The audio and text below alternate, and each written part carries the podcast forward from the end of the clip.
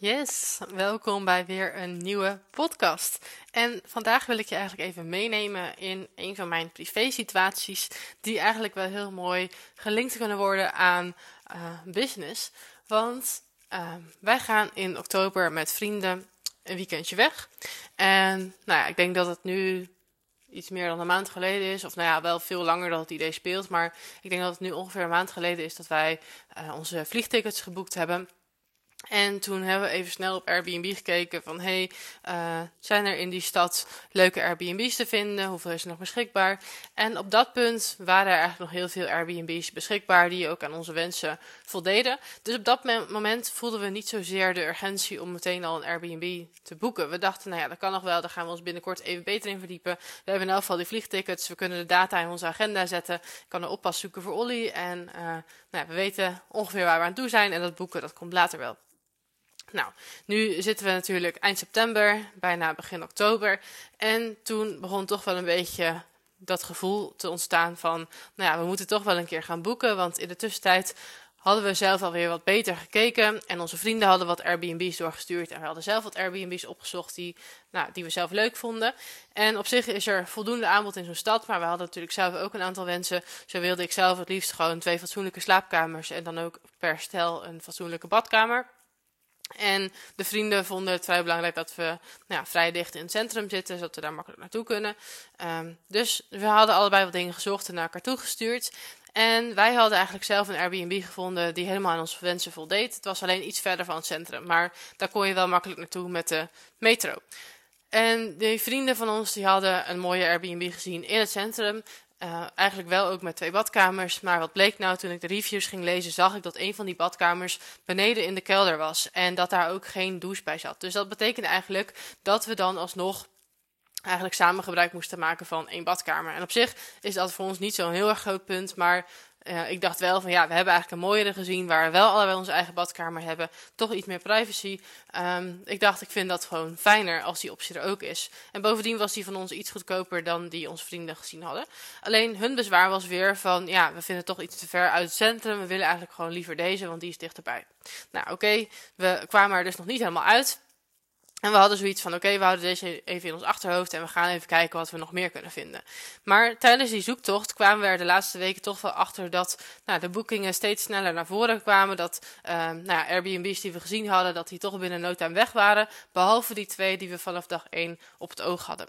Dus we hadden steeds zoiets van, ja, oké, we moeten binnenkort wel even gaan boeken. Maar we kwamen niet helemaal tot een compromis, want die vrienden die wilden eigenlijk niet uh, zo ver buiten het centrum zitten. En wij wilden eigenlijk niet die B&B uh, zonder tweede badkamer. Of die was er wel, maar niet helemaal optimaal.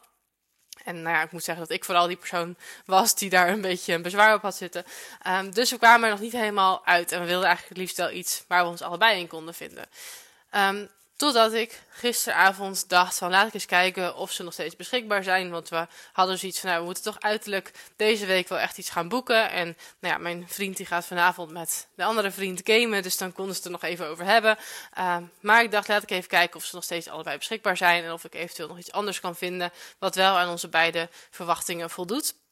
En toen kwam ik er dus achter dat de Airbnb die onze vrienden hadden gezien nu inmiddels geboekt was. En op zich vond ik dat natuurlijk niet zo heel erg, want die had niet mijn voorkeur. Maar toen had ik opeens wel zoiets van dat ik zei tegen mijn vriend van hé, hey, we moeten nu wel echt iets gaan boeken, want ook die is inmiddels weg. En zolang die twee nog beschikbaar waren, hadden we eigenlijk zoiets van nou ja, we kunnen nog wel even afwachten, want ze zijn nog beschikbaar. We kunnen nog een discussie voeren, we kunnen nog even verder zoeken of er nog iets beters is. En dan zouden we gewoon uiterlijk deze week een keuze gaan maken. Omdat we ook wel zoiets hadden van ja, het komt steeds dichterbij, we moeten niet te lang wachten. En zometeen uh, zijn deze twee ook weg. En dan moeten we echt naar iets terug wat we nog minder vinden. Want we hadden ook een aantal gezien waar uh, één tweepersoonsbed was. En dan één met een slaapbank of met een stapelbed. En dat is één stel ja, toch niet echt heel lekker kan slapen, zeg maar.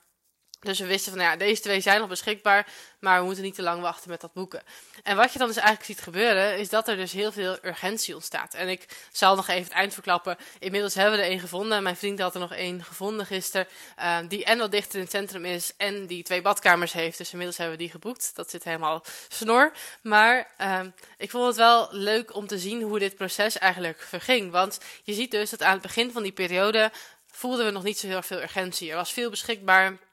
Uh, naar onze wensen. En we dachten, nou, dat komt binnenkort wel. Maar naarmate je ziet dat die boekingen steeds sneller verlopen en dat er steeds meer weg is en dat je steeds minder kunt vinden van wat je graag wilt hebben, voel je dus steeds meer druk om wel iets te gaan boeken. En voel je dus ook steeds meer die urgentie om het nu te doen. Want uh, we zijn in juni zijn we een weekendje weg geweest met Olly. En ook voor deze zomervakantie gebeurde het eigenlijk weer. Dat we een Airbnb op het oog hadden. En op het moment dat we wilden boeken, was die net geboekt door iemand anders. Dus ik moet zeggen dat wij allebei in onze urgentie, mate van urgentie wel een beetje gevoed zijn in de afgelopen periode. Dat we toch iets te vaak hebben meegemaakt dat hetgeen dat wij op het oog hadden, net precies weg was op het moment dat wij wilden boeken. En nou ja, daar kun je van alles van vinden. Misschien moest het wel gewoon zo zijn.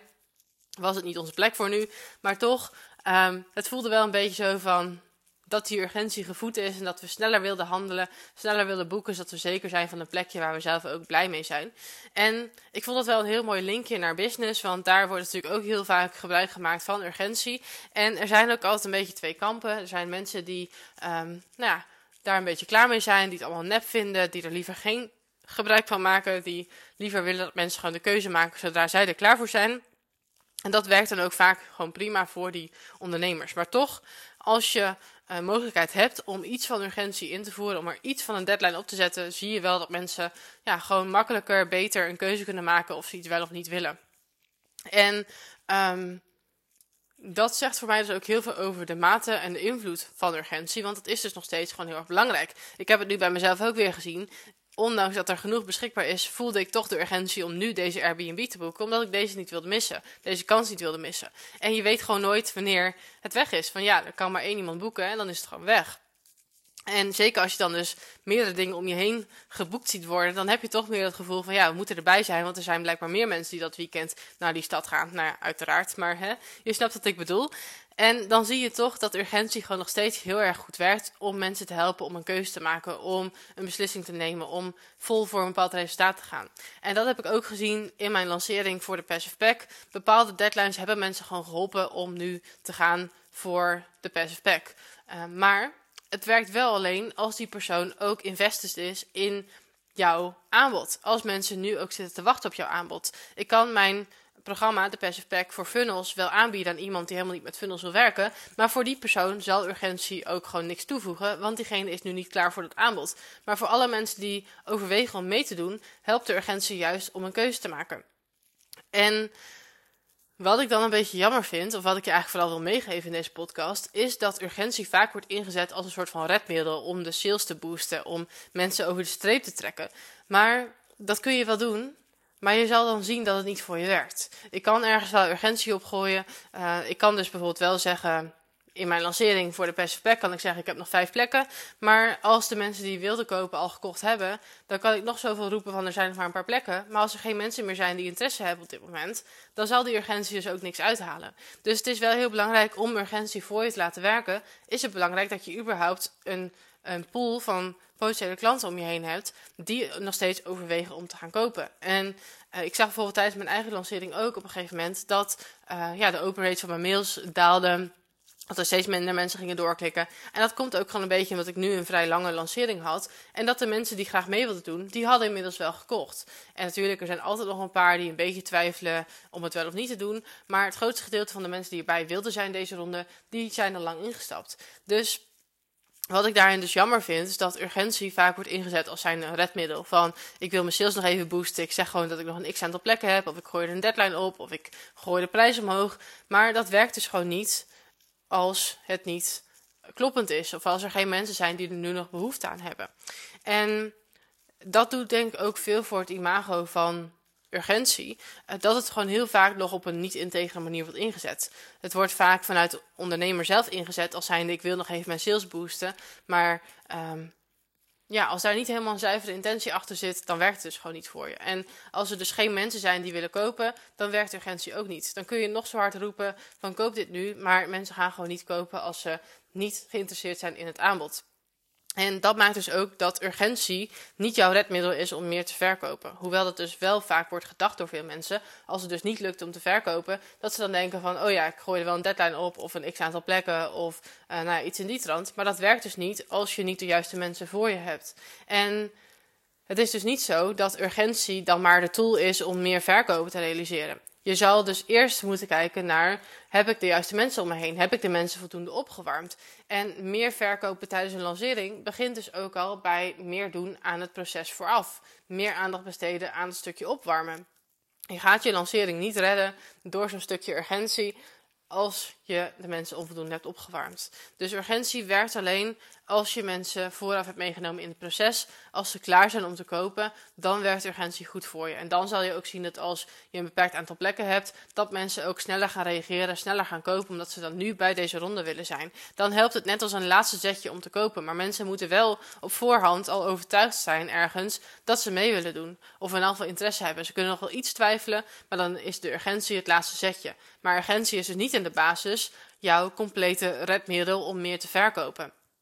En het is dus ook niet jouw redmiddel in een lancering om nog tien plekken uit te verkopen of iets dergelijks. Dan zal je gewoon veel meer aan het begin van die lancering moeten doen. Je zal veel meer moeten investeren in het opwarmen, in bijvoorbeeld het geven van een masterclass of het voeren van een gesprek. Of nou, überhaupt gewoon de opwarming in podcast of in social media posts of via de mail, net hoe jij het aanpakt. Ehm, maar als je meer wilt verkopen, begin dan in het begin aan het bewustwordingsproces aan het begin van die klantreis. Daar ga je ervoor zorgen dat meer mensen bewust worden van hun probleem, van hun behoefte, van hun verlangen. En als je ze daar hebt, dan zal urgentie gaan helpen om meer te verkopen. Maar het is dus niet jouw redmiddel om nog even jouw sales flink te boosten. Tenzij je dus inderdaad nog een onbewust poeltje hebt zitten die wel klaar zijn om te kopen, die je nog niet gezien hebt. Maar wat ik dus jammer vind om te zien, is dat heel veel mensen urgentie inzetten als laatste redmiddel, wat het dus eigenlijk niet is. Als je ziet dat de verkopen tegenvallen, mag je denk ik voornamelijk gaan kijken naar, heb ik wel voldoende mensen opgewarmd? Heb ik wel voldoende potentiële klanten tegenover me zitten aan wie ik überhaupt kan gaan verkopen?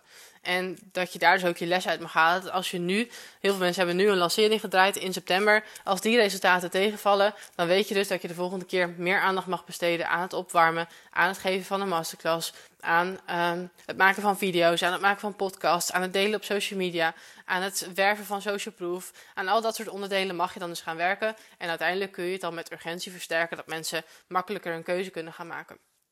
Ik hoop dat je daar wat aan hebt.